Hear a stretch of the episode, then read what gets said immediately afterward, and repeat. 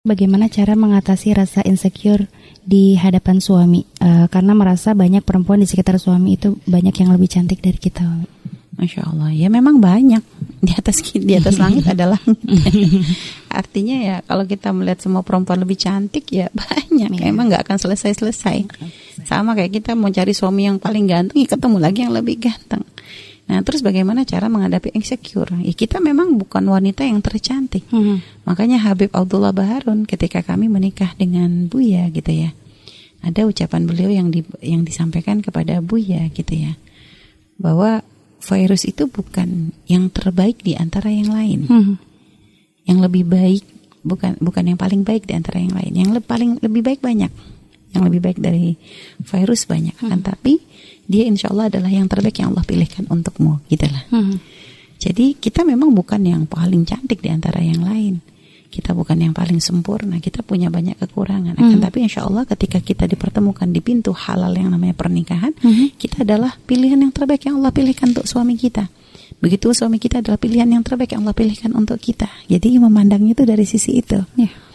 nah terus cara mengatasi insecure-nya gimana eh, yang lain kenapa kita harus insecure dengan wanita lain yang bukan uh, bukan bukan istri suami kita Nah, kita sudah ada pin, kita nih udah ibaratnya kita megang tiketnya. Hmm.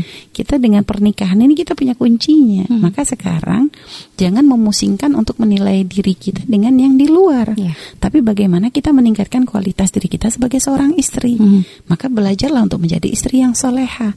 Jadikan suami kita betah di rumah Belajarlah untuk selalu tersenyum kepada suami, belajarlah untuk menjadi istri yang lembut, istri yang patuh hmm, gitu ya. Hmm. Istri yang menyenangkan, istri yang enak diajak komunikasi, istri yang bisa yang yang baik yang bisa menjadi ibu yang bisa mendidik anak-anak kan begitu. Istri yang bisa diajak untuk berjuang. Hmm.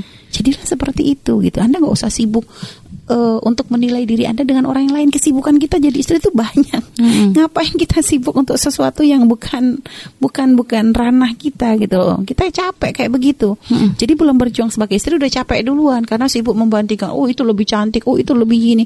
Ya stres kita mm-hmm. kalau model begitu. Sekarang yang sudah ini memang wilayah kita mm-hmm. gitu. Itu yang kita jaga. Yeah. Artinya kita bikin ayo kita semuanya belajar. Jadi jangan menyapekkan, ibarat jangan membuat kita capek untuk sesuatu yang nggak perlu. Yeah. Kita punya tugas yang lebih banyak sebagai seorang istri, hmm. gitu lah. Hmm. Jadi orang cerdas kan gitu. Kalau mau beres ya, jangan capek dulu untuk yang lain. Pengen beberes rumah, nggak tuh kita aerobik dulu, ya nggak selesai kita beberes. Udah pegel duluan gitu. Ya fokus dong sama apa yang kita akan kita kerjakan. Hmm. Nah, karena anda sebagai istri fokus dengan tugas anda sebagai istri. Hmm. Jangan tuh fokus menilai orang wanita lain gitu. Hmm. Fokus apa yang harus anda lakukan. Bikin suami anda betah di rumah. Ya itu tadi caranya gimana. Belajar banyak apa yang disenangi oleh suami. Oh, suami paling seneng kalau kita tuh selalu senyum kalau kita cantik, ah begitulah. Senangkan suami dengan apa yang dia senangi. Hmm. Yaitu bukan dengan apa yang kita senangi. Karena belum tentu suami senang dengan apa yang kita senangi. Yeah. Jangan oh, yang penting kita senang, akhirnya kita senang shopping. Suami nggak suka. Ya kan? itu bikin rusak kayak gitu. Minyak wangi suami sukanya misalnya bau melati. Ya hmm. jangan kita pakai minyak wangi yang bau apa gitu bau yang lain gitu eh, sesuaikan dengan kesenangan suami dan hmm. danan apa gitu jadi gitu loh jadi apa namanya Ya, kalau suami Anda senang istri Anda berdandan, ya berdandanlah untuk suami. Hmm. Jadi gitu. Jadi lakukan hal itu gitu yeah. kan. Kayak Buya sendiri gitu ya. Buya paling gak senang kalau Umi ngambek. Hmm. Uh, kata Buya Umi lebih seneng gitu kalau Umi terus terang apa yang bikin Umi gak nyaman hmm. daripada Umi diem gitu. Hmm. Hmm. Itu bikin Buya nggak betah. Makanya ya Umi nggak mau kayak begitu. Sehingga Umi nggak akan mau diem. Jadi Umi kalau ada apa-apa Umi sampaikan tapi dengan cara yang baik tentunya. Hmm. Dan juga karena Buya nggak suka kalau Umi udah masang wajah nggak nggak apa namanya nggak senyum ya hmm. ya Umi nggak boleh nggak senyum depan Buya. Umi harus senyum gitu kan.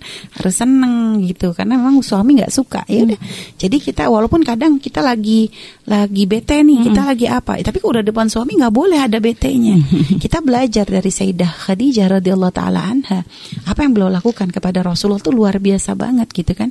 Umi sering banget menghadirkan kisah ini karena kata ini luar biasa gitu. Kita membaca kisah bagaimana ketika beliau itu diuji oleh Allah dengan sakit yang parah setelah pemboikotan yang dilakukan oleh orang kafir Quraisy hmm. menjadikan kesehatan beliau itu menurun gitu ya. Hmm. Bagaimana beliau tuh ketika sakit lalu tiba-tiba Nabi datang dihilangkan rasa sakit itu dari wajahnya. Berpura-pura kuat di hadapan Nabi supaya Nabi nggak susah. Karena belum merasa beban Nabi sudah berat, jangan ditambahkan lagi dengan beliau. Lihat.